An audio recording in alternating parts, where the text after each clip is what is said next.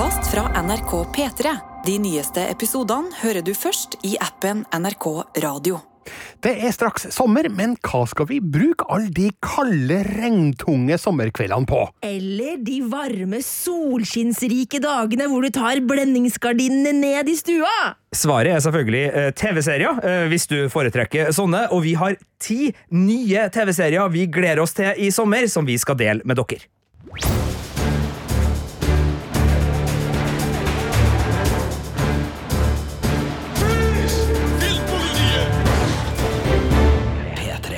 Her i studio sitter Birger Vestmo, Marte Hedenstad. Og Sigurd Vik. og det er altså TV-seriefokus i denne podden. Og da kikker jeg på dere, Marte og Sigurd, for det er dere som har hodene godt skrudd sammen inn i TV-ruta.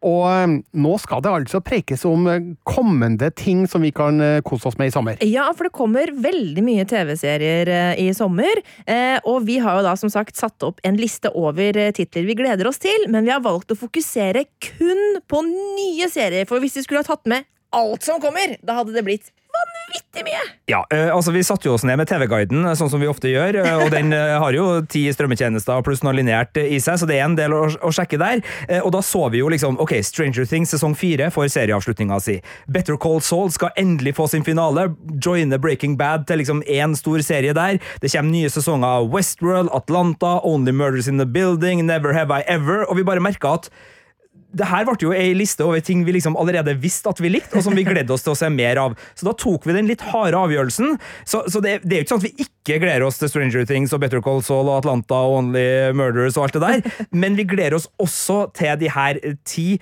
nye titlene. Eh, Det er jo en risikabel sport, Marte, å skulle øh, glede seg til serier. Ja, fordi det kan jo vise seg at de er ræva. Eh, Men vi, hva skal jeg si, vi baserer dette her på hva er det man kaller det? Såkalt Eh, Magefølelse. Ja, eller sånn kvalifisert gjetning. Er ikke det også? Jo, det er også øh, mulig. Men alt det her er, det er ti splitter nye sesongdebutanter som kommer på skjermen nå i sommer. Ja, det er ikke usant å si det, men etter hvert som vi nå pløyer gjennom det her, og vi tar det i rekkefølge ut fra premiere, så vil det nok dukke opp serier som enten kan kalles spin-off, eller muligens ø, tilhør ø, eksisterende franchiser, som er relativt populært på, på, på kino- og seriefronten allerede. Så, så jeg utelukker jo ikke at enkelte vil dra kjensel på en del av de her titlene. Ja, Du er litt vag og diffus her nå, men med viten og vilje, selvsagt. Og det her kommer vi nok klarere tilbake til senere i denne podkasten. Hvor skal vi starte? Vi starter 1. juli. Vi starter på strømmetjenesten til Amazon, Prime Video, og vi starter med The Terminal List. Lieutenant Commander James Reese, can you outline the details of your mission? They knew we were coming. According to audio logs, you went dark on comms roughly four mics in. Why? That's not how it went down. Bois, bois. Den mangla liksom bare den Hans Zimmer eh, orkester eh, fra Inception.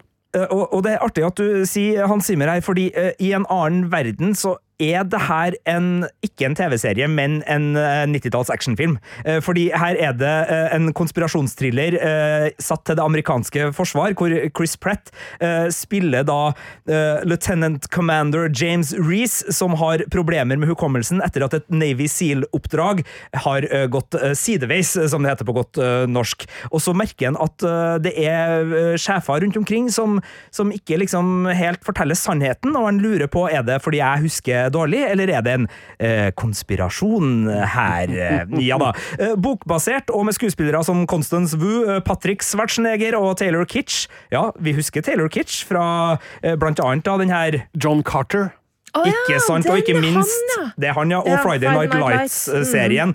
Så det er skuespillere her som gjør at jeg eh, blir gira. Altså, du elsker jo Constance Wu, Marte. Ja, jeg elsker Constance Wu. Og altså, jeg har jo i utgangspunktet ikke vært så gira på denne tittelen her, for dette her er din Ja, den, eh, personlige ja, er glede seg til-sak. eh, Fordi jeg, jeg, jeg er drittlei av Chris Pratt. Jeg, jeg Ja. godtar han liksom som Starboy.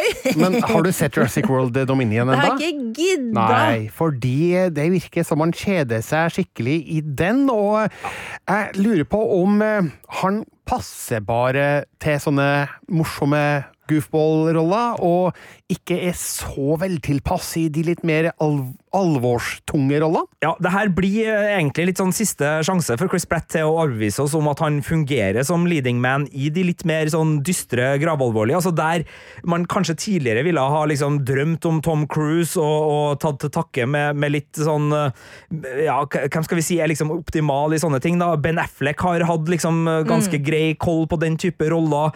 Eh, Chris Pratt, ja, altså med glimt i øyet, en, en trygg og god leading man. med men eh, uten glimtet, som han heller da ikke ser ut til å få lov til å ha her. Ja, uh, Det er ei scene på traileren hvor han står med kassegitar, og så ser du at han liksom blinker, og så, så tror han at han står med ei rifle. Oi, sant. Jeg er litt okay, spent. Det, altså, det, det, kan gå begge veier, det her. Men tenk å liksom ha både Chris Pratt og Constance Wu i samme serie, og så er det ikke glimt i øyet! For en forspilt sjanse! Det er litt uh, rart. Men uh, det her er bokbasert, og Amazon Prime Video har jo gjort gode ting med både Jack Ryan og Jack Reacher, som også mm. er bokbaserte helter. Så hvis de nå serverer oss nok en tøff actionserie med etterretning og militæroperasjoner som bakteppe, så lar jeg meg underholde på en sånn her Det er en god terningkast fire-seriemåte. Det har jo vært eh, terningkast fire på både Ryan og Reacher så langt uh, fra meg, så jeg håper at jeg får en sånn sommerserie som er sånn fin å skru på for meg som egentlig er veldig glad i etterretningsthrillere. Jeg tror ikke det her er uh, på høyde med det beste innenfor sjangeren, det gjør jeg ikke, men den har sneket seg med på lista fordi jeg er såpass uh, lett uh, å underholde når det gjelder det her. Og det er vel du òg, Birger Vestmo? Ja, og så er jeg fascinert over at Patrick Schwarzenegger spiller en rolle i denne filmen. Det er jo da åpenbart sønnen til Arnold Schwarzenegger, men han ligner ikke så mye på far sin, egentlig. Uh, I hvert fall ikke på sånn muskelomfang, men han har jo spilt i en rekke filmer og serier nå, blant annet i The Staircase, som mange har sett. Og mm. Um, ja, blir spent å se om han kan gjøre seg gjeldende også i The Terminal List, da. Men eh, ja, det er jo Chris Pratt som er hovedfokuset her, vil jeg tro, og med det stjernefokuset han greier å tilføre de fleste filmer, så skjønner jeg jo godt at den i hvert fall er med på lista, da, og så får vi se om den er god. Det vet vi jo ikke. Ja, så vidt med på lista. Men uh, når sant skal sies, både jeg og Marte har nok mer tro på neste serie ut, som har premiere på Apple TV Pluss den 8. juli og som heter Blackbird. We suspect that this man killed 14 women, but we only have one of the bodies. Larry has vivid dreams. Tell me about them. In my dreams, I kill women. Those are just dreams. Ja, en god seriemorderserie, det kan gå an i sommer, og det er jo nettopp eh, det Blackbird tydeligvis er. Det er det. Eh, det er basert på en eh, virkelig eh, historie, basert på en biografi skrevet av James Keane, som her spilles av Taron Egerton. Og greia er at James Keane var en litt sånn high school-helt, god i fotball og alt det der. Litt sånn all American boy, og så blir han vel arrestert for noen narkogreier. Og får en sjanse av justisvesenet til å overføres til et uh, annet fengsel, hvor uh, Larry Hall, uh, spilt av Paul Walter Hauser, sitter mistenkt for å være en seriemorder, men med manglende bevis. og da er plottet her at James Keane skal liksom bli kompis med Larry Hall og prøve å finne ut hvor disse likene eventuelt er begravd. Altså, det høres jo helt sånn der merkelig ut. Det høres ut som en sånn derre virkelig ikke sann historie, men når du ser at serien foregår på 80- og 90-tallet, så er det litt sånn å ja, FBI Jeg føler at de drev med veldig mye rart på den tida. Så bare det å få en kriminell til å hjelpe deg med etterforskning, null problem. Ja, den har litt sånn Mindhunter sesong 7-vib ja. over seg i, i, i, så måte, men uh, det er jo også en, en uh, grunn til at vi gleder oss, altså i tillegg til at det her er Taron Egerton og Paul Walter Hauser, to skuespillere som er aldeles glimrende. Det er en av Ray Liottas siste siste roller som også dukker opp i denne serien.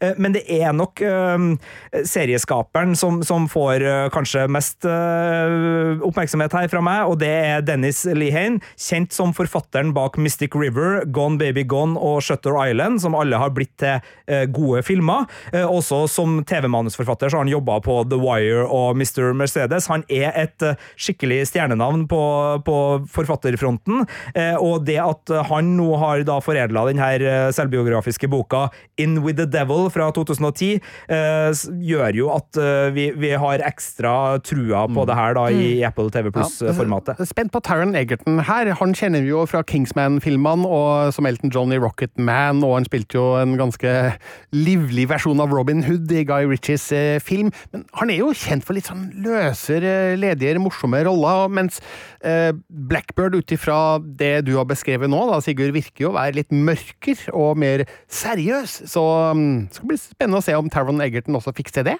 Ja, jeg er spent på den biten. Eh, Ut fra traileren så virker det som han ikke liksom eh, er helt vingeklippa når det gjelder å få lov til å være Taron Egerton med, med om ikke humor, så i hvert fall sjarm og litt den der gutteaktige glimtet i øyet. For han har noen replikker eh, i den traileren som tilsier at han ja, ikke liksom skal spille blodseriøs. Men nei, jeg, jeg tror det her blir bra. Delvis også fordi at Apple har en fantastisk vår bak seg, hvor de Ja. bare har levert, Marte. Ja, det er helt sjukt. Jeg, jeg skjønner ikke helt hva som har skjedd inne på Apple TV Pluss-kontoret. Hvor er det de får alle disse seriene fra? Altså Pachinko eh, eh, uh, Severance. Severance, ja. eh, som har vært to helt fantastiske serier som virkelig har slått oss i bakken. Og de har jo en helt haug med andre Den Gary Oldman-spionserien Ja, ja, ja. hvor han fis og har hull i sokken, er også Og fra før av så har de jo The Morning Show, de har Mythic eh, Quest, som er ikke din, men min eh, favoritt, og eh, Ted Lasso. Jeg kan og bare og Dickinson. Jeg kan bare skyte inn at sesong to av Severance er den sesongen jeg venter mest av alt på av alle serier som eksisterer for tida. Og nå må jeg bare skyte inn eh, veldig, fordi du er da à jour med, med den. Har du også fått sett den ferdig? Ja, ja, ja. Og ok, over sommeren, folkens, så skal vi ta oss en liten podkast med noen fanteorier på, på Severance. Det har vi allerede ja. lovt, jeg og du, Marte. Men Jeg tror tror vi får med oss Birger òg. Apple TV Plus, altså. De, de leverer varene om dagen. Eh, så det bidrar jo også til at vi får ekstra stor eh, tru på Blackbird også. Ja.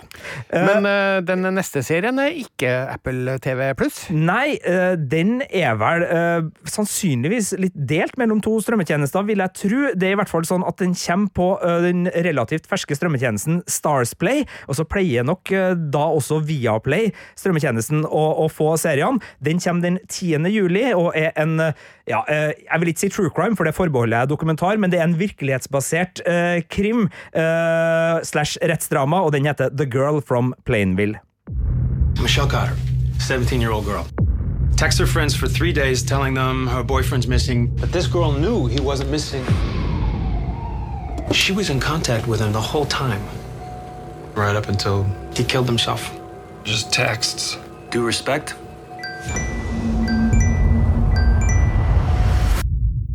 Those are messed up texts.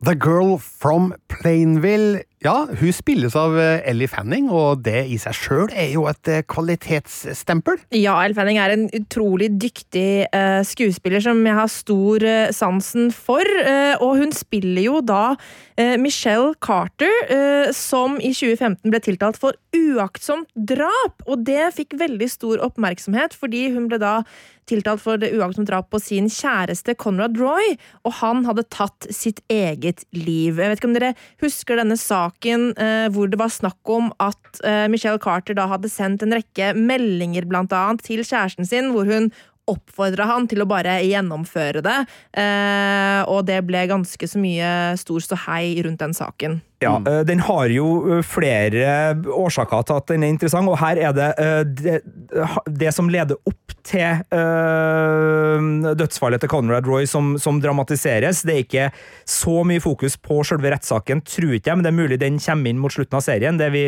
spent på. Men det som gjør at jeg også, i tillegg til at det er historie som er gripende og, og interessant sånn juridisk, er jo at eh, en av serieskaperne er Liz Hanna. Hun har en ganske eh, god eh, track record når det gjelder eh, krim fra virkeligheten. Hun har jobba med manus på Mindhunter og The Dropout, to serier vi har eh, virkelig likt her i Filmpolitiet. Hun hadde også medmanus på den Oscar-nominerte filmen The Post, som Steven Spielberg hadde regi på. En film jeg eh, euforisk ga terningkast seks. Det var kanskje i overkant, men jeg likte den skikkelig godt. Og den er jo også på en måte en krim fra virkeligheten, sjøl om den da handler om uh, ting som leda opp til Watergate-skandalen og, og hadde mer en sånn presseside, så, så var det jo noe der òg. Så jeg syns jo Liz Hannah har bevist at hun virkelig kan å få uh, interessante eh, ting fra det amerikanske rettsvesenet. Vi skal, kan være så brei, da, for her handler det jo om veldig forskjellige ting. Mindhunter om seriemordere, mm. uh, uh, The Dropout om en rettsskandale og en svindel, og, og The Post da om ja, politikk og, og, og presse. Men jeg, jeg, jeg liker måten hun skriver manus på, i hvert fall der. Det er innsiktsfullt, og det er ikke nødvendigvis sånn sensasjonsjagende. Det, det, det, det har en viss tyngde, og det er på jakt etter å, å gi publikum en, en, eh, ja, en opplevelse som bare ikke skal underholde, og det gjør at jeg tenker at The Girl from Plainville eh, ja, det, det, det kan bli mye true crime-basert opplegg òg, men, men jeg, jeg tror den kan bli god. Ja, og Elle Fanning hun er jo en skuespiller som har eh, veldig stor eh, range. Altså, eh, hun spiller jo veldig ofte sånn sjarmerende roller, hvor hun ofte kan ha litt sånn glimt i øyet og er veldig søt og sånn, samtidig som hun òg har en et annet ben å stå på. Hun, hun har mer dybde til seg enn det.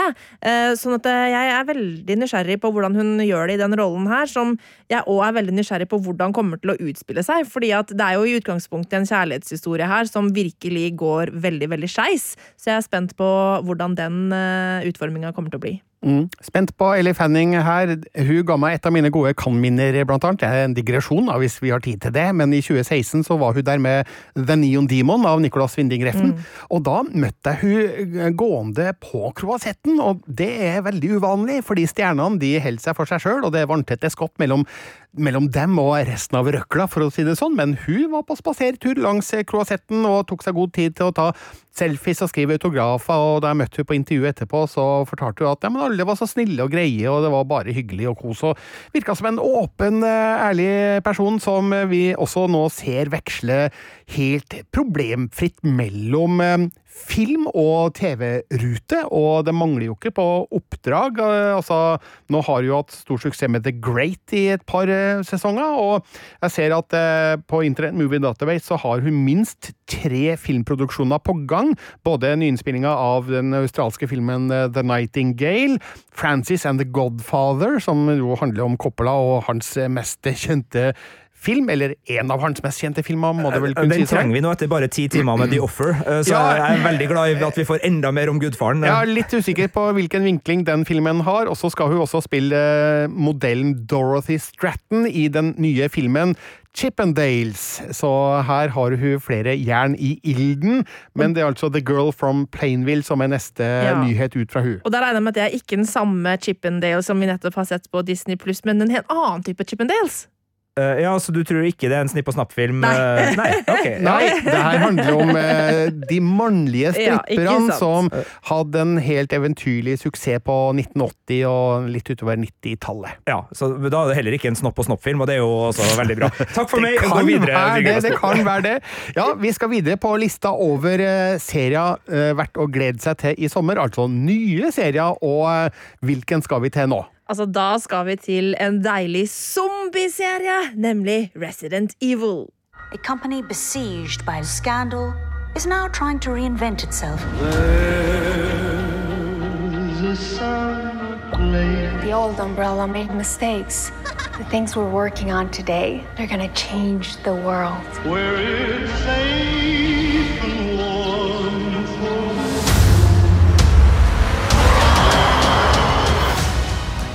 Ja, for du mener at en ny Resident Evil-serie, det trenger vi etter åtte, ni, ti filmer med Mila Jovovic? Ja, ja, ja, sju, ikke jeg, jeg, jeg, jeg mener det. Altså, ja, de der, eh, alle de Resident Evil-filmene var kanskje ikke så bra, men jeg bare, når jeg tenker tilbake på hvordan det var da jeg så de første Resident Evil-filmene, så elska jeg det. Jeg syns det var så gøy. Skikkelig skikkelig sånn derre splatter-type horror og monstre og jævelskap. Eh, og jeg bare syns det var så gøy. Og eh, det å på en måte få en slags eh, ny versjon av dette eventyret, eh, det er jeg, jeg er 100% med. Har dere spilt eh, Resident Evil-spillene? Ja, noen av de. Eh, spilt det første på PlayStation 1, så vidt jeg husker, men det er så lenge siden at jeg husker ikke om det var skummelt. Nei. Eh, Jeg må jo ærlig innrømme, jeg har ikke spilt eh, spillene, og jeg tror faktisk, og det her er litt av ei hinderløype jeg i så fall har passert eh, litt ubevisst, jeg tror ikke jeg har sett en eneste Resident Evil-film. Nei, Ikke jeg, én eneste? Jeg tror ikke det.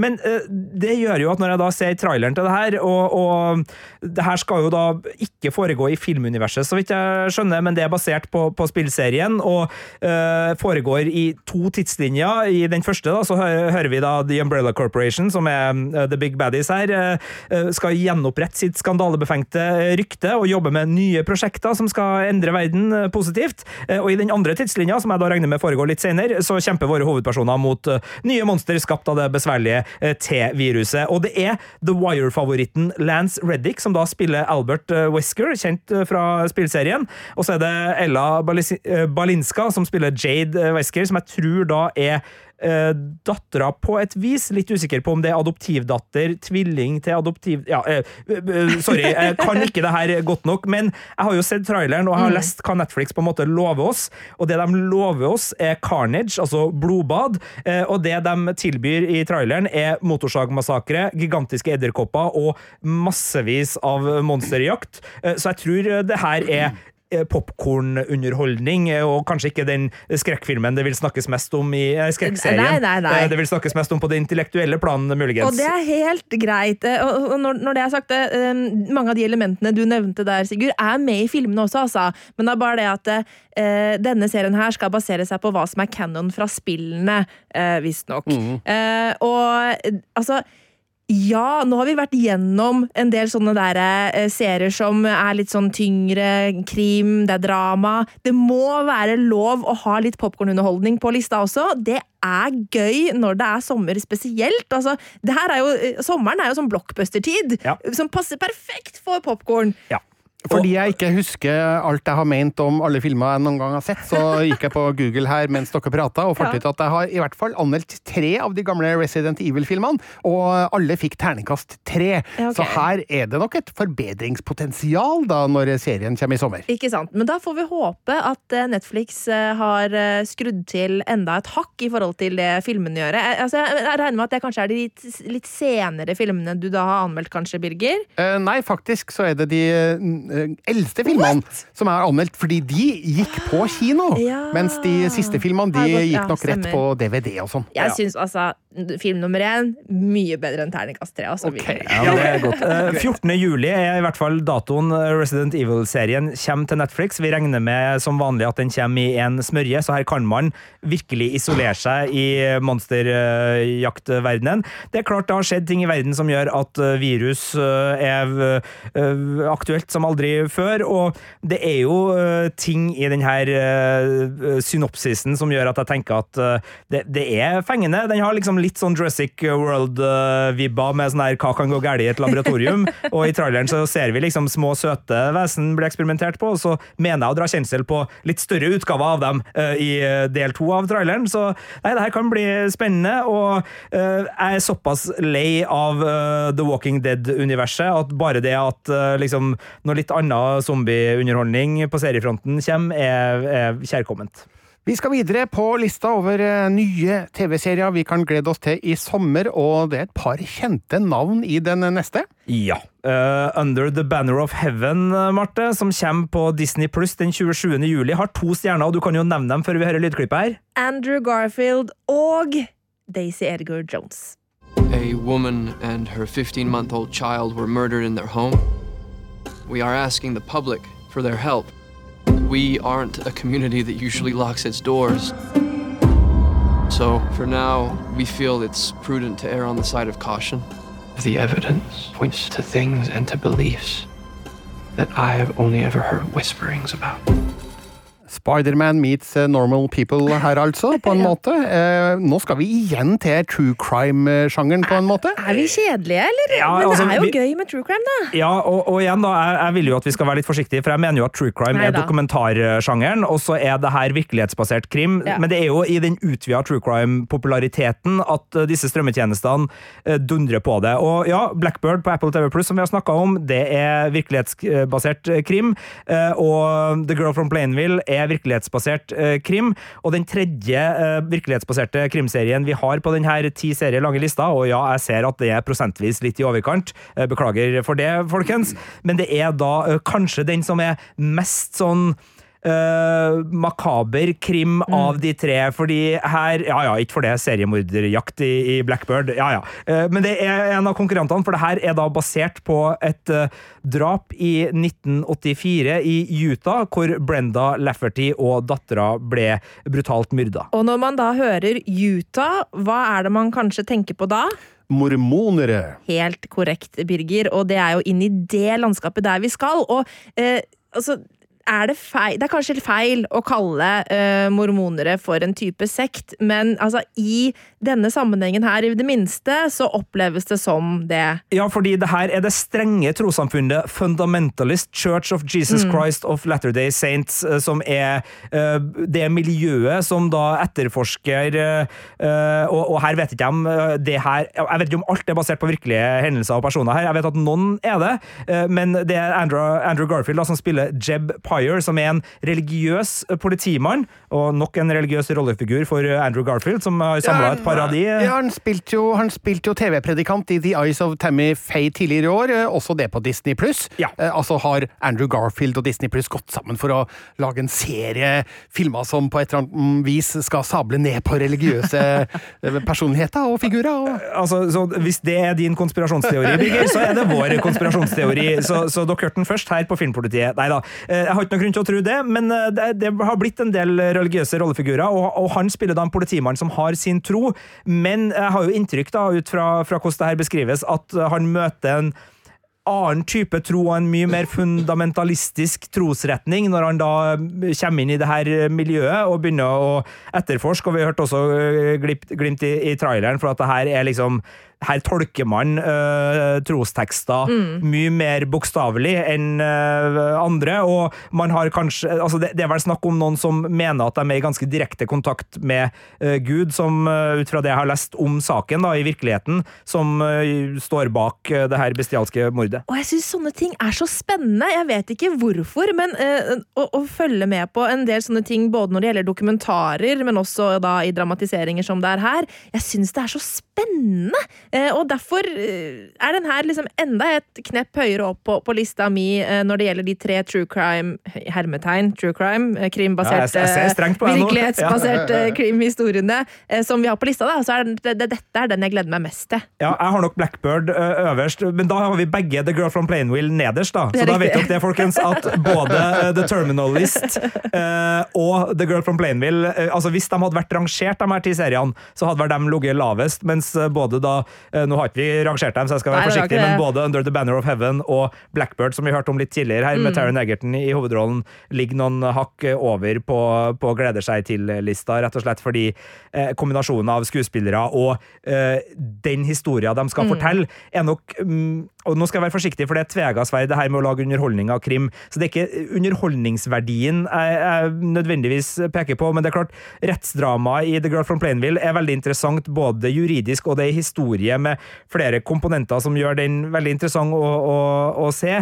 Men det er klart, med eh, seriemorderjakt og, og bestialske drap, så, så er det selvfølgelig noe her som, som gjør det interessant, og spesielt da den tematikken, et lukka religiøst Ja, miljø, og, en drapsetterforskning som på en måte må inn i det miljøet, og, og den der liksom sånn Nei, men det er jo ikke noe Vi har gjort etterforskninga for dere, dere trenger ikke å komme noe nærmere inn her. Det syns jeg er interessant sånn samfunnsmessig. Ja, ja, ja. Og, det er det som er sånn, I Utah fortsatt så har de jo disse lukkede, fundamentalistiske eh, mormonermiljøene som eh, egentlig blir litt sånn eh, overlatt til seg selv og har sine egne lover og regler i ganske så stor grad fortsatt. Eh, Sånn at eh, det er absolutt aktuelle temaer, selv om dette her er en historie som er fra 1984. Eh, Så det gjør det litt ekstra spennende, syns jeg. Uh, Fundamentalist Church of Jesus Christ of Latter-day Saints.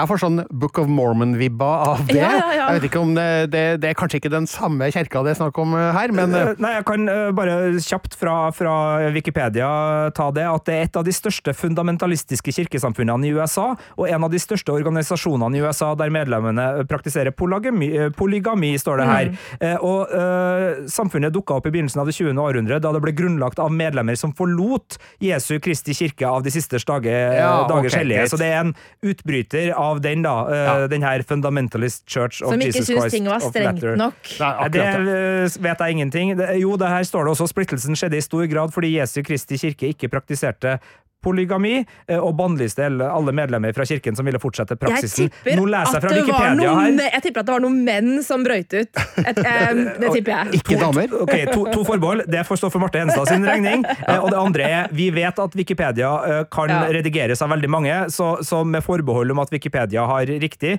det her var kun lest fra, fra dem. Og for de som ikke vet hva Book of Mormon er, det er en ustyrtelig morsom musikal som fremdeles går i London, og som også har gått i Oslo, og som er skapt av eh, South Park-skaperne eh, Trey Parker og Matt Stone. Eh, vi har sett den alle tre, og vi lo i ca. 100 minutter sammenhengende. sånn det, cirka. det var en fantastisk uh, musikalaften for oss i Filmpolitiet. Men Under the Banner of Heaven virker å være noe helt annet. Ja, det er litt absolutt. mørkere materie vi skal inn på der, tror jeg. Ja, og den kommer da til Norge, for den uh, har allerede hatt premiere i USA, men eh, en del serier kommer fremdeles ikke liksom samtidig til Norge som resten, men den dukker da opp på Disney Pluss den 27. juli, og er en av deres store sommerpremierer.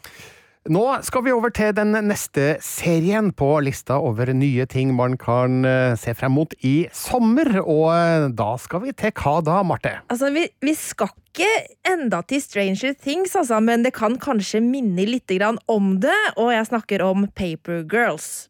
No, I'm looking to get my root finished in one piece. I got better stuff to do. Future's so bright, right? Not all of us get to live in a JC Penney catalog. All I can think about is why was it me? Why did I just attack him? You don't understand, okay? I'm not like you guys. People need me. Og jeg vet at um, tidsreising er et eh, tema i Paper Girls, og, og da blir jeg interessert. Ja, og, og så foregår det på 80-tallet, og som du hørte på Enda mer interessert. Og så, det, er grunnen til at jeg, det er derfor jeg trekker inn, eh, inn eh, Stranger Things her, da, fordi at uh, ut ifra de bildene vi har sett og sånn, så får vi en sånn Stranger Things-vib. Du har den syntlydsporet som vi hørte her, du har neonfargene, du har BMX-syklene, men dette her er da basert på en tegneserie som kom ut før Stranger Things, uh, så eh, bare sånn at det er sagt, og det handler da om eh, ja, noen, noen jenter som får livet sitt ganske så snudd på hodet. Ja, øh, Dagen etter halloween i 1988 så er fire venninner ute på avisruta si. Paper Girls eh, der, altså. Eh, I en forstad utenfor eh, Cleveland, Ohio. Eh, så kommer det, eh, og vi vet ikke helt hvordan det her foregår, men det kommer folk fra framtida. Og eh, de her hovedpersonene blir da på mystisk vis fanga i en konflikt mellom krigende fraksjoner av tidsreisende, eh, og må da redde verden. Og jeg vet at blant annet så er liksom eh, filosofien rundt ulike regler for tidsreiser viktig her. For eksempel, eh, er det etisk forsvarlig å besøke et framtidig seg selv hvis du kan bevege deg framover og bakover i tid, eller bør du bare reise til plasser hvor du ikke på en måte risikerer å endre atferd på bakgrunn av ting du lærer om deg sjøl, osv. Så, videre, og så, videre. så det er en del sånne um, ulike betraktninger rundt ulike måter ikke, jeg, jeg, jeg vet ikke om mekanismene for tidsreise er ulike, men det er nok ulike syn, litt sånn som i religion, på hva man skal gjøre hvis man kan eh, reise i tid. Og da blir jo svaret du må selvfølgelig reise til det stedet som risikerer absolutt mest krøll, for det er jo det som gir uh, det mest spennende resultatet i TV-ruta. Ja. Uh, jeg tror vi har fått nok i Tilbake til framtiden om det å oppsøke sin egen mor uh, i relativt ung alder, i hvert fall. Det, det er ikke eh, Det trenger ikke jeg å se Men flere ganger. ut ifra det vi vet, er det her en serie som kommer til å ha den samme typen estetikk og tilnærming til det tiåret handlinga foregår i, som Stranger Things, da? Det ser jo litt sånn ut ut ifra traileren, men det er jo bare én trailer vi har sett. Ja, eh, det er ikke en trailer engang, det er en, En teaser, teaser. ja. Eh, Der hørte vi jo eh, en liten sånn potpurri av stemmene, pluss det her syntsporet, og så har vi jo fått tilgang på pressebilder, og du verden, det ser ut som Stranger Things på ett vis, samtidig så er det noe helt eget, så Mm. det, det her framstår ikke som en Stranger Things-kopi, men de har valgt å gå for det litt duse, det litt sånn pastellfarga, det er stemningsfulle, både når det gjelder litt sånn rosa, titte ut mot horisonten-bilder, og uh, barn av 80-tallet på sykler eh, på nattestid, Mm. og også måten liksom unger springer gjennom enger på. Jeg får litt sånn blanding av Spielberg, uh, Stephen King-inspirasjonene, som selvfølgelig Stranger Things virkelig har tatt, men også litt uh, Hva, hva heter han svenske kunstneren som driver og Ja, sånne oh. roboter i åkrer og enger og litt sånn, som en annen Amazon-serie basert på Den har jeg anmeldt, så det at jeg Tales, husker det her Tales nå from the future? Uh, Tales from the Loop. Tales from the Loop. Tales from the Loop, ja. Mm. Uh, Jeg får litt sånn vi av det òg, men det er jo veldig tynt grunnlag å, å uttale seg på her, for vi har fått bare noen små, få smakebiter. Jeg tror ikke traileren er ute ennå på serien, uh, og den kommer jo da på Amazon, for det er en Amazon Prime videoserie der. Den kommer jo da på, på Prime først den 29. juli, så det er jo ei god stund til serien har premiere. Men uh, Brian K. Wan, som da er uh, Som har skrevet tegneserien det her er basert på, han er vel også med videre inn i uh, TV-serieproduksjonen. Så det, det er vel eh, mulig at, uh, at eh, det er liksom i trygge hender i, i så måte, da. Ja, serien er jo skapt av Stephanie Folsom, og hun har en del imponerende ting på sin CV. Altså, hun skrev Toy Story 4. Hun har skrevet episoder av Star Wars Resistance. Hun har også skrevet to episoder av The Lord of the Rings, The Rings of Power. Så hun Oi! er virkelig oppe der i eliten nå, og det kan jo tyde på at Papergirls Paper Girls forhåpentligvis kan også være noe stort å se frem til. Ja, eh, og eh, vi skal være helt ærlige med dere som hører på. Et par av de seriene vi har hatt på lista her, er liksom med fordi de har enten store navn som alltid vil generere en viss type oppmerksomhet, eller de har tematikk som gjør oss ganske nysgjerrig. Eh, Men den her er eh, lenger opp. Den her Eh, er det- høyt opp på min personlige liste. ja, der eh, en, en Marte var veldig ja, ja, liksom, Skal vi ha med den? Nja, skal vi ha med den? Og når vi kom til Papergirl, så var ja! Den skal med! Da skal vi til den neste serien på lista. Hvem vil ta den? Og eh, da må vi jo se hva det er her. Jo da, altså, nå er vi jo inne i blockbuster-land her. Eh, vi skal nok nå rett og slett bare gå igjennom de fire siste, som er eh, relativt store titler. Og vi kan starte da eh, på Netflix, for det er dem som begynner først. Den 5. august så kommer The Sandman. I'm the king of dreams, ruler of the nightmare realm.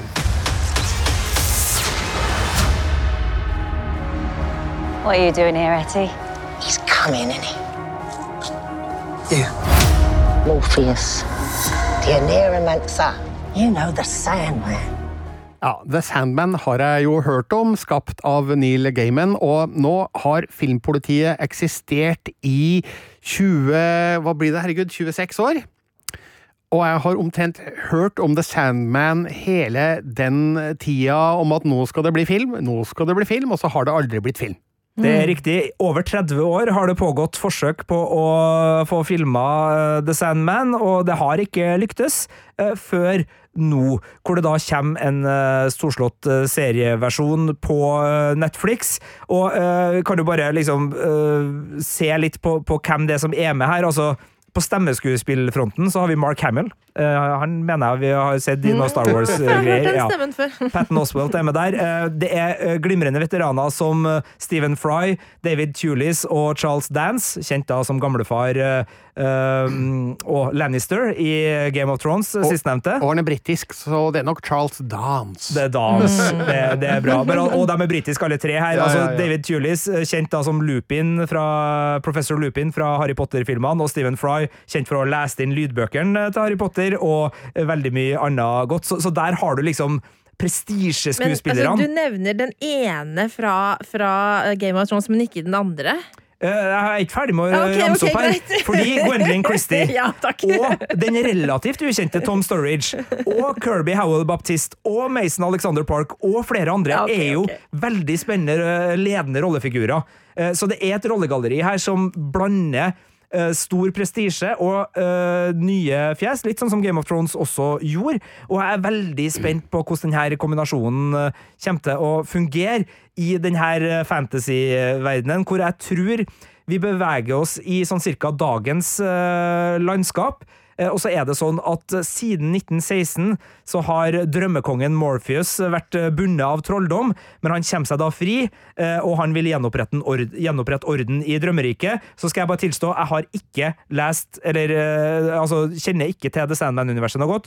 Birger, du har også tilstått at du kanskje ikke er den mest bevandra, selv om du har fulgt nøye med på forsøkene på filmatisering. Da er det store spørsmålet, Marte, vår fantasy-ekspert, hvordan er ditt forhold til The Sandman? Altså, Jeg har lest en del Neil Gaiman, bare for å si det, men jeg har ikke lest uh, The Sandman. Um, så her stiller jeg rett og slett på bar bakke. Men uh, det aner meg jo at vi skal et godt stykke inn i horrorlandskapet her. Uh, så jeg er spent på hvor skummelt det blir.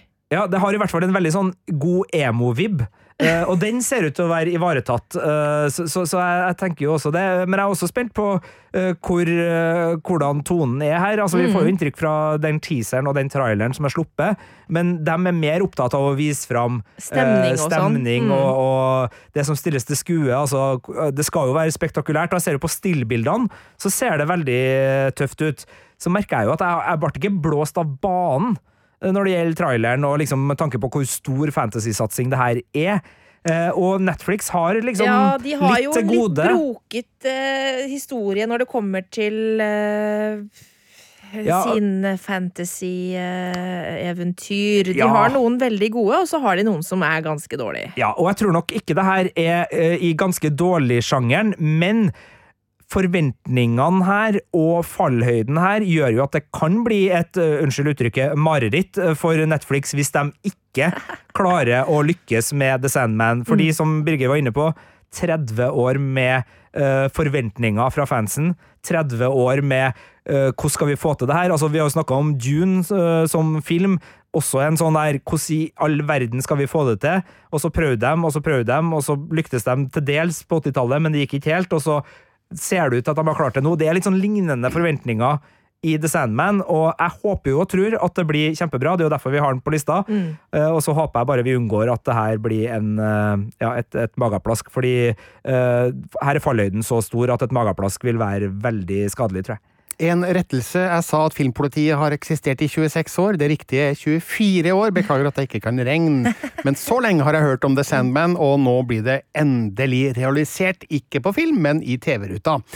På lista over eh, sommerens mest spennende nye serier, der har vi nå kommet til den med den kanskje eh, rareste tittelen. She-Hulk, attorney at law. Cuz we didn't ask for this, but you still gotta deal with it.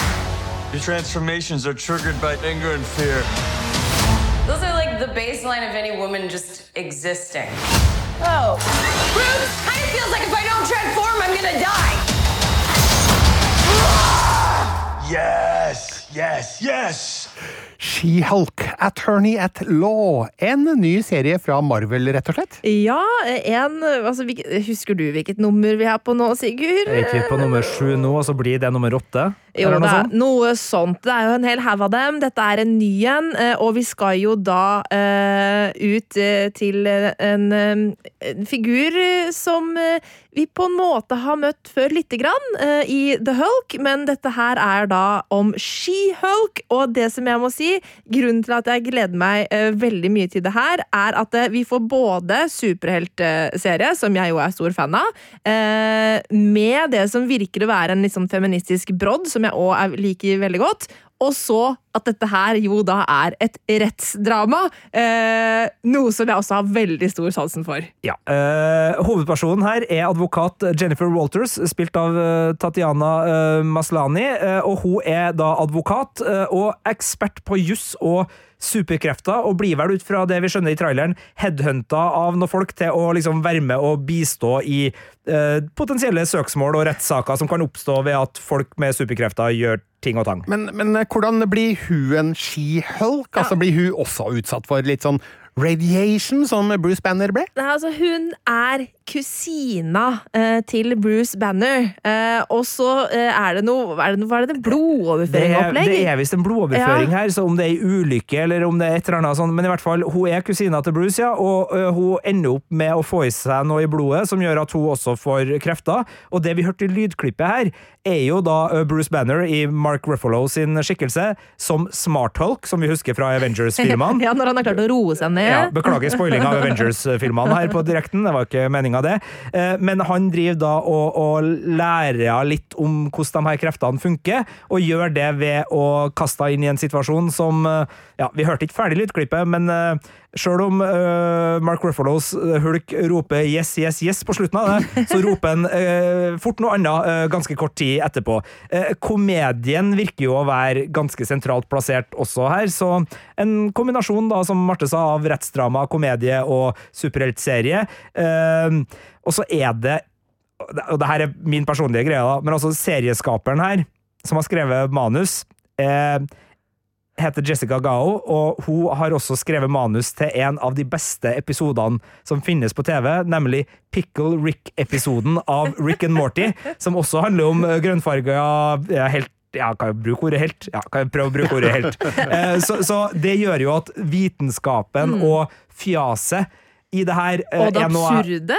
jeg har så trua, Ja. fordi eh, Rick and Morty er nå en uh, smak som kan fungere for noen, og kanskje ikke fungere for andre, men i likhet med Everything Everywhere All At Once, som også har litt sånn Rick and Morty-eske varianter når den hopper mellom ulike multiverse-greier og sånn, så er jeg jo veldig spent på den litt mer sånn laboratoriumbaserte vitenskapsgreia, hva som skjer når du tar en manusforfatter fra Rick and Morty-gjengen, som selvfølgelig er mye mer enn det, men som også er det, og som har bevis til de grader med Pickle eh, Rick-episoden at eh, både action og tøys med vitenskap mestres så godt, eh, så er jeg jo veldig, eh, veldig klar for å se She-Hulk. Nå må jeg innrømme at jeg husker ikke helt Jennifer Walters-figuren er fra Hulken, men hun har kanskje vært med, da. Men jeg husker selvfølgelig Hulken fra både egne filmer og i Avengers-filmene. Men hvordan tror dere det blir å se en figur som eh, er med i filmer med en viss eh, tone, eh, som plutselig skal være med i en ren komedie? Altså, blir det litt rart, rett og slett, at uh, samme figur brukes i to vidt forskjellige humørmessige stemninger? Men du husker Thor Ragnarok-filmen, altså film nummer tre i Thor-serien? Ja, jeg gjør det, da. Ja, ja. Så nei, eh, altså, det er jo ikke uten friksjon der, Birger, og jeg syns det der kan være noe vi begynner å snakke om når vi nå er midtveis i fase fire i Marvel Cinematic Universe, hvordan de stadige toneskiftene gjør at vi skal liksom bry oss om rollefigurer veldig sånn sårt og intenst, og da snakker jeg jo om liksom eksempel Hawkeye og Black Widow sine opplevelser, så det er en del øyeblikk inni her som er sånn skikkelig emosjonell, og, Mm. og nå begynner jo også flere og flere av temaene å utbroderes i både filmer og serier som jeg har et alvor i seg som, som jeg syns er veldig fint, men samtidig så gjør det jo at uh, fra det til fjas så, så ligger det jo noe, men, men jeg syns jo de mestrer det ofte ganske godt, og her jeg tror ikke det blir en ren komedieserie nødvendigvis, for det virker jo som det ligger både en feministisk eh, brodd, eh, som du var inne på, Marte, og, og at det ligger også noe sånn halvveis tenkt ut greier rundt superkrefter og ansvar, og litt sånn som vi hadde i, i Civil War-filmen. altså at Skal man stille folk til ansvar, hvordan skal man gjøre det? Hvordan er ansvaret ditt hvis du har gjort noe med et uhell, kontra hvis du er uh, intensjonen din er ondskap? Så, så det er jo mye der. Og MCU har jo uh, hele tiden gjennom alle filmene og mange av seriene uh, vært gode på den miksen mellom uh, det emosjonelle og komikken. Også, og i Hawkeye syns jeg det fungerte fint, som jo kanskje blir den nærmeste tingen å sammenligne med her. Den syns jeg funka bra, men det Birger eh, er inne på, syns jeg ikke gikk så bra hvis du tenker WandaVision over i Doctor Strange eh, and the Madness of Multiverse, hvor Wanda Multiverse sine. Eh, Takk, det var det. Eh, Der Wanda sine opplevelser var veldig godt tatt vare på og skildra i WandaVision-serien, mens hun kanskje ble redusert til en litt mer sånn der eh, enkel, endimensjonal skurk.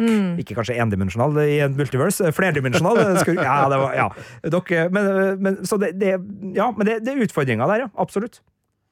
Vi går videre, og vi nærmer oss et slags klimaks her, føler jeg, fordi de to siste seriene på denne lista er potensielt store serier. Ja, eh, og vi tøyer også sommeren litt her, fordi fram til nå Nei, vi gjør ikke det! Nei, men fram til nå så har vi vært innenfor skoleferien. Ja. Eh, altså, 17. august har Skihulk premiere på Disney Pluss.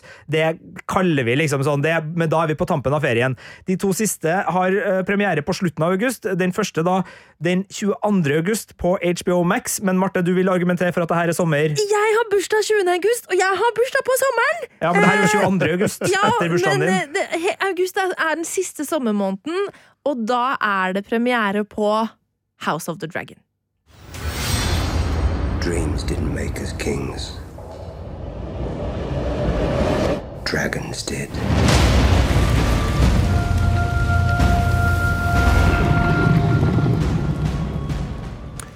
Jeg forstår jo at det her er en serie du gleder deg til, Marte, fordi du er kanskje Norges største Game of Thrones-fan. Og nå skal vi tilbake til Ja, i hvert fall én av de, Ja, da. jeg er stor Game of Thrones-fan. Og nå skal vi tilbake til Vesterås. Det skal vi. Eh, og så må jeg jo innrømme at i et Altså etter Game of Thrones-serien gikk ferdig, så eh, da kjente jeg på en skuffelse og en metthet, og jeg var nesten litt sånn ikke snakke om Game of Thrones noe mer. Det er sånn Når folk kom og spurte meg ja, hva syns du, og liksom sånn, hadde lyst til å diskutere Game of Thrones, så var det litt sånn mm, jeg er ferdig med den serien. Eh, men eh, siden da så har det jo skjedd mye ting, eh, og kjærligheten for universet har kommet tilbake igjen. Eh, og nå gleder jeg meg altså skikkelig til House of the Dragon, som da skal ta oss med inn i Targaryen-slekta, eh, inn i all den politikken og intrigemakingen eh, og eh, borgerkrigshelvete som den gjengen der har utsatt Westerås for, eh, når vi da reiser 200 år tilbake i tid før hendelsene i eh, Game of Thrones. eh, For å møte altså blant andre prinsesse Reina Targaryen og hennes onkel eh, Damon Targaryen. Eh, og her er det da snakk om en tronekamp eh, som eh, skal involvere både eh, backstabbing, drager, svik og makt. Ah! altså Game of Thrones. Altså Game of Thrones. Eh, og, og jeg, jeg må jo si, altså Det var jo seks spin-off-serier på et tidspunkt som, som kjempa om å få bli lagd. For det her var jo, det var jo verdens største TV-serie Ja. for noen år siden, det her, og det, det er vel ingen som har vippa Game of Thrones av den trona, egentlig, med tanke på eh, hvor mange språk og land den har blitt vist i antall folk som så det, og kulturell betydning.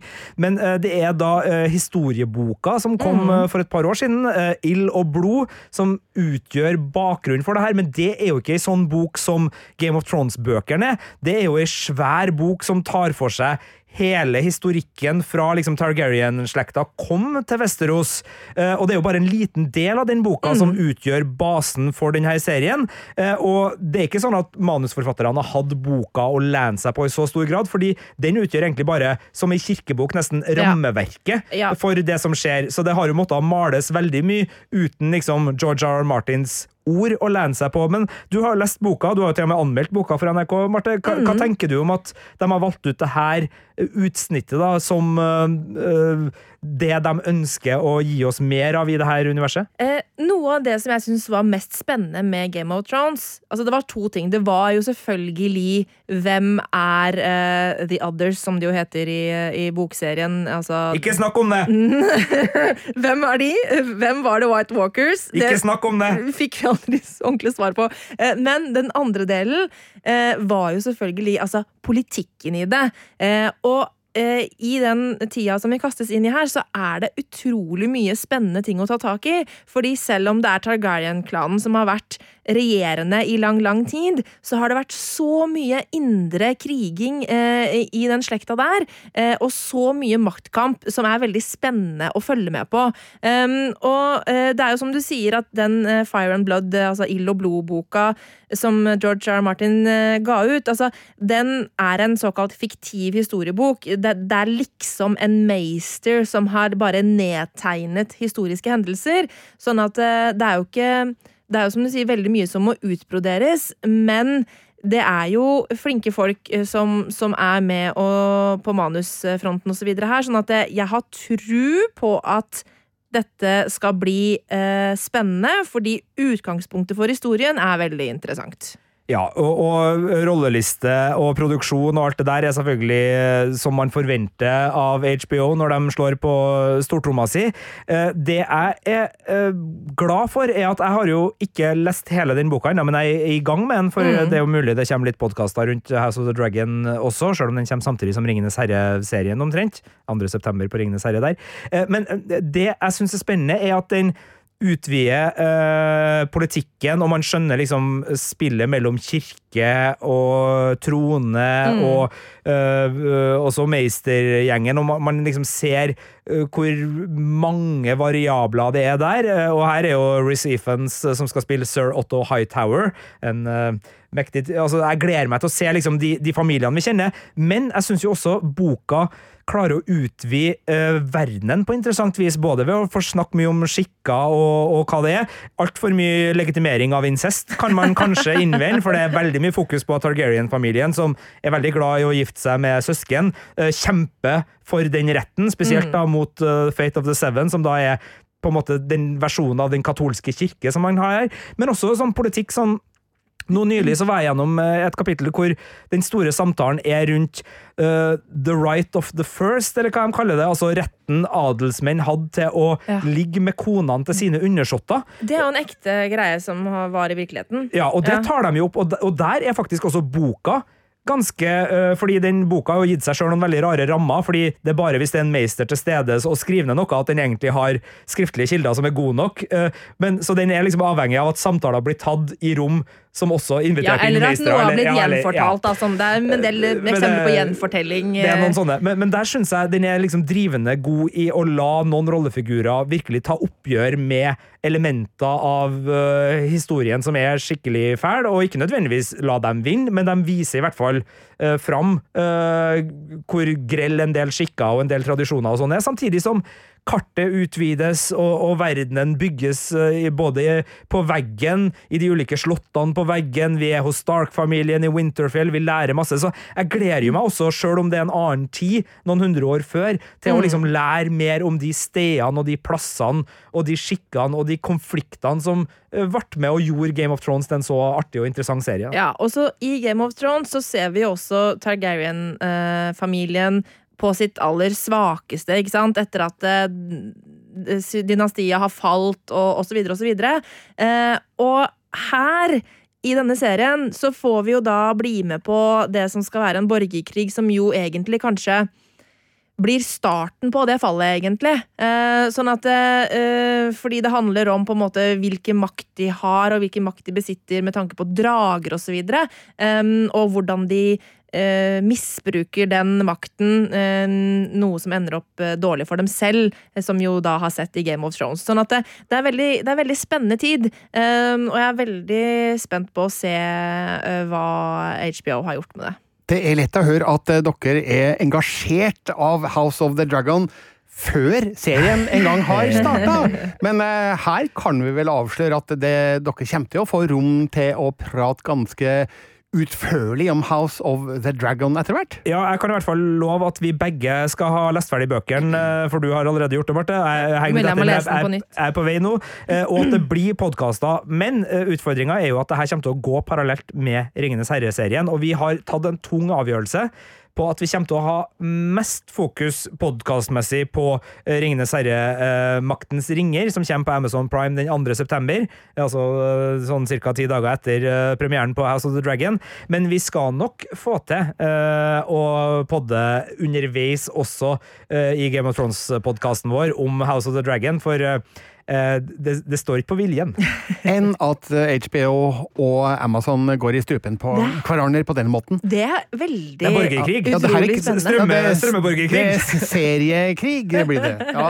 Eh, For eh, man skulle jo tro at kanskje var de interessert i å legge dem på litt ulike tidspunkt, eh, sånn at de slapp å knive om de samme seerne, men løsninga på det blir selvfølgelig å se begge deler. Ja, eh, og så er det jo sånn at den neste serien vi har med, da, eh, selv om den eh, ikke er så fantasy, så er den også litt for det samme publikum, i hvert fall til dels. Noe som gjør at det ikke er to, men tre serier som kommer til å gå samtidig. Svære, svære Oh. serier som kommer til å gjøre at sensommeren, tidlighøsten, eh, bare må tilbringes i sofaen. Vi snakker da om 31. august, Disney Pluss og Star Wars-serien Andor. They're so proud of themselves. So fat and satisfied.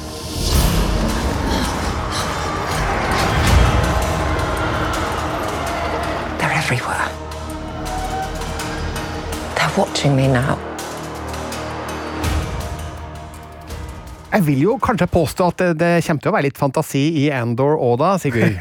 Om ikke fantasi med Y, så i hvert fall fantasi. Ja, for vi skal tilbake til en figur vi stifta bekjentskap med i Rogue One av Star Wars Story.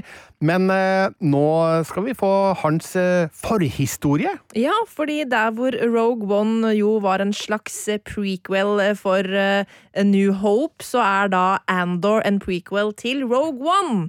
Eh, Sånn at eh, vi skal få bli med på eh, ja, hvordan Cassian Andor eh, ble den han ble i den filmen. Ja, og det her er jo knytta opp mot den ikke starten, men, men forminga av The Rebel Alliance, altså den gjengen vi, vi kjenner og heier på gjennom da spesielt den originale Star Wars-trilogien, hvor uh, prinsesse Leia, Han Solo og Luke Skywalker er, er gode hjelpere.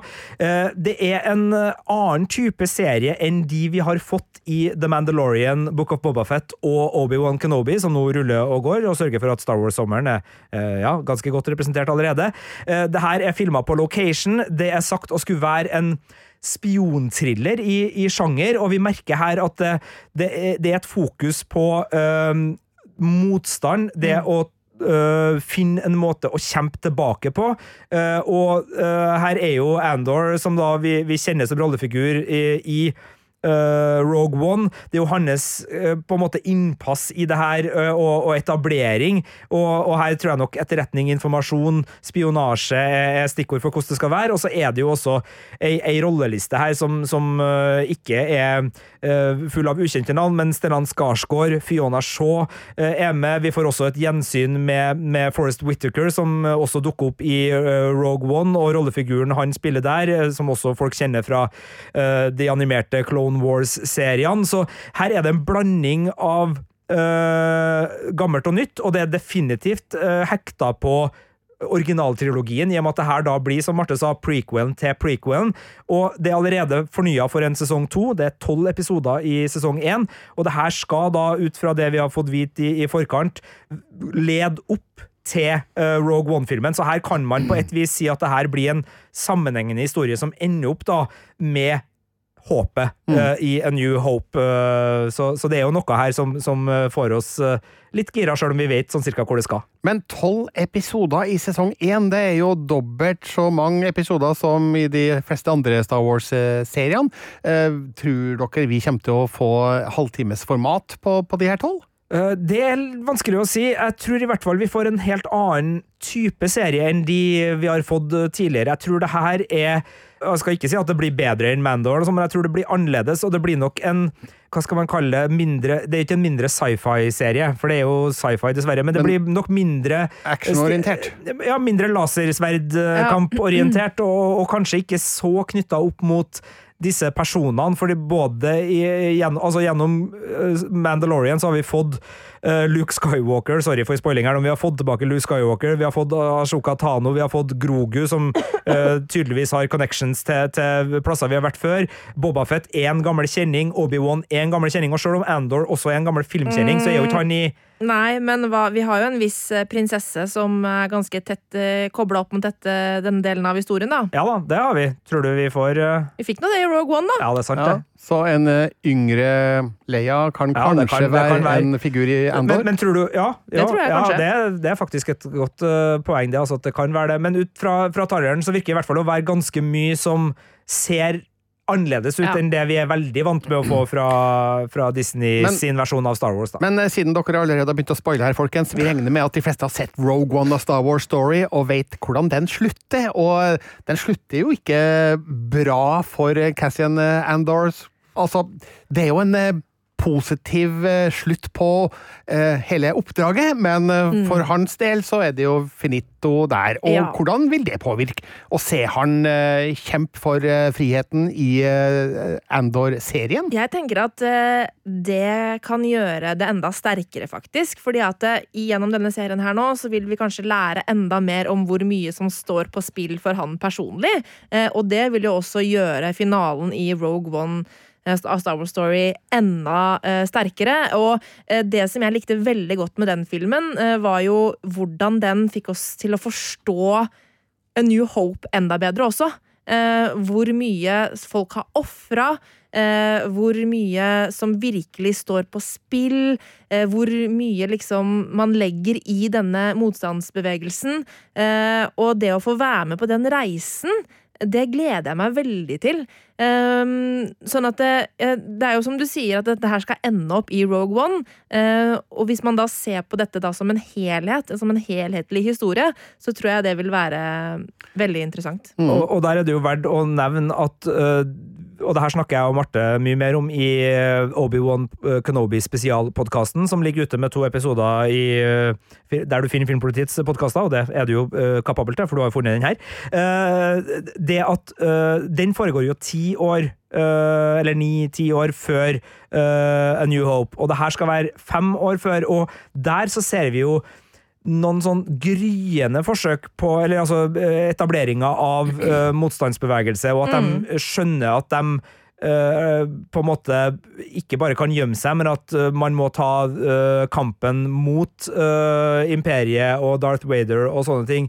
Og der òg er det noen av de beste øyeblikkene, er jo nettopp når folk som aldri har bedt om å slåss, aldri har oppsøkt et slagsmål, blir eh, soldater eh, fordi de blir tvunget til det. Og jeg tenker her, eh, Det vi vet om Andor, er at han skal gå fra å være en eh, tyv som blir til en revolusjonær, og som eventually joins the rebellion. Så, så det er jo en reise her som jeg er veldig spent på. Ja, og også, det var I den episoden som vi har gitt ut på Obi-Wan Kenobi denne uken, så kritiserer vi jo eh, serien fordi at vi er for lite i akkurat den delen av fortellingen. Sånn at eh, det er jo eh, veldig fint at vi nå da etter hvert får Andor, hvor vi får lov til å være med på den delen i mye større grad. Mm. Jeg tror vi er i trygge hender, for Andor er jo skrevet og produsert av Tony Gilroy, som også skrev Rogue One, og som blant annet har skrevet eh, House of Cards-serien, som eh, var en god serie, til tross for at vi ikke liker hovedrolleinnehaveren lenger. men men eh, jeg har håp om at Andor skal bli en ny, sterk Star Wars-serie som kan lyse opp skjermene våre nå i løpet av sommeren, hvis vi premierer datoen på den. Ja, Det er- det, det, er sommeren med et nødskrik. Ja, 31. august, eh, eh, da, eh, noen dager før høstserien Ringenes herre, maktens ringer kommer. Men sommerserien Andor kommer da. Ja, så Ja, Ringenes herre-serien kan vi ikke snakke om her nå. Nei, Ikke, nei, den skal vi ikke snakke om her. Den, Den, den, den det er en høstserie vi gleder oss til. Ja, ja, ja. Jeg vil jo si to ord allikevel. Å, herregud, jeg gleder meg så mye! Ja, Ja, nei, det blir veldig Ja, vi skal komme sterkere tilbake til Ringenes herre, maktens ringer senere i sommer. Høst eh, slash høst, når Vi den nærmer seg faktisk- premiere. Ja, vi begynner jo faktisk podkastserien vår, eh, Filmpolitiets Ringenes herre-spesial. Den begynner i sommer! Den begynner i sommer, og i den anledning, altså hvis dere har eh, ting dere har lyst til at vi skal skravle om i den podkasten, altså vi skal starte med å gå gjennom de tre Ringenes herre-filmene eh, hver for seg i hver sin podkast. Det er bare å komme med tanker eh, om dem, hvis dere har det, og også hvis dere har spørsmål og forventninger og fanteorier rundt Ringenes herre-serien, så begynner vi også med en eh, i forkant der med en podkast hvor vi skal annet snakke om hva vi tenker og hva eh, vi håper og tror, så, så der òg er det bare å komme med e-poster til filmpolitiet alfakrøll.nrk.no. Og det samme gjelder jo Game of Thrones. Altså, House of the det. Dragon. Har du eh, tanker og eh, fanteorier og ideer og whatever eh, i forbindelse med House of the Dragon, send det for all del inn til filmpolitiet at nrk.no. Jeg merker at jeg er nesten litt glad for at The Mandalorian sesong tre ble utsatt til februar, fordi eh, vi må jo rekke å trekke pusten her òg, men eh, du verden, det er mye for den fanorienterte delen av film- og serieinteresserte som kommer framover nå. Og ja, hva vi pleier å si? What a time to be alive! Eh, Denne podkasten er i hvert fall eh, over. Du kan lese hele lista over de ti seriene vi nå har snakka om på p3.no filmpolitiet. Fra og med fredag øh, 17. juni, ja. Det er riktig, nemlig. Hør oss også på P3 hver søndag fra 12 til 15, og du finner våre podkaster i NRK Radio først av all plasser. Abonner på oss der. Vi som har sittet her i studio, er Birger Vestmo. Marte Hedenstad. Og Sigurd Vik. Du har hørt en podkast fra NRK P3. Hør alle episodene i appen NRK Radio.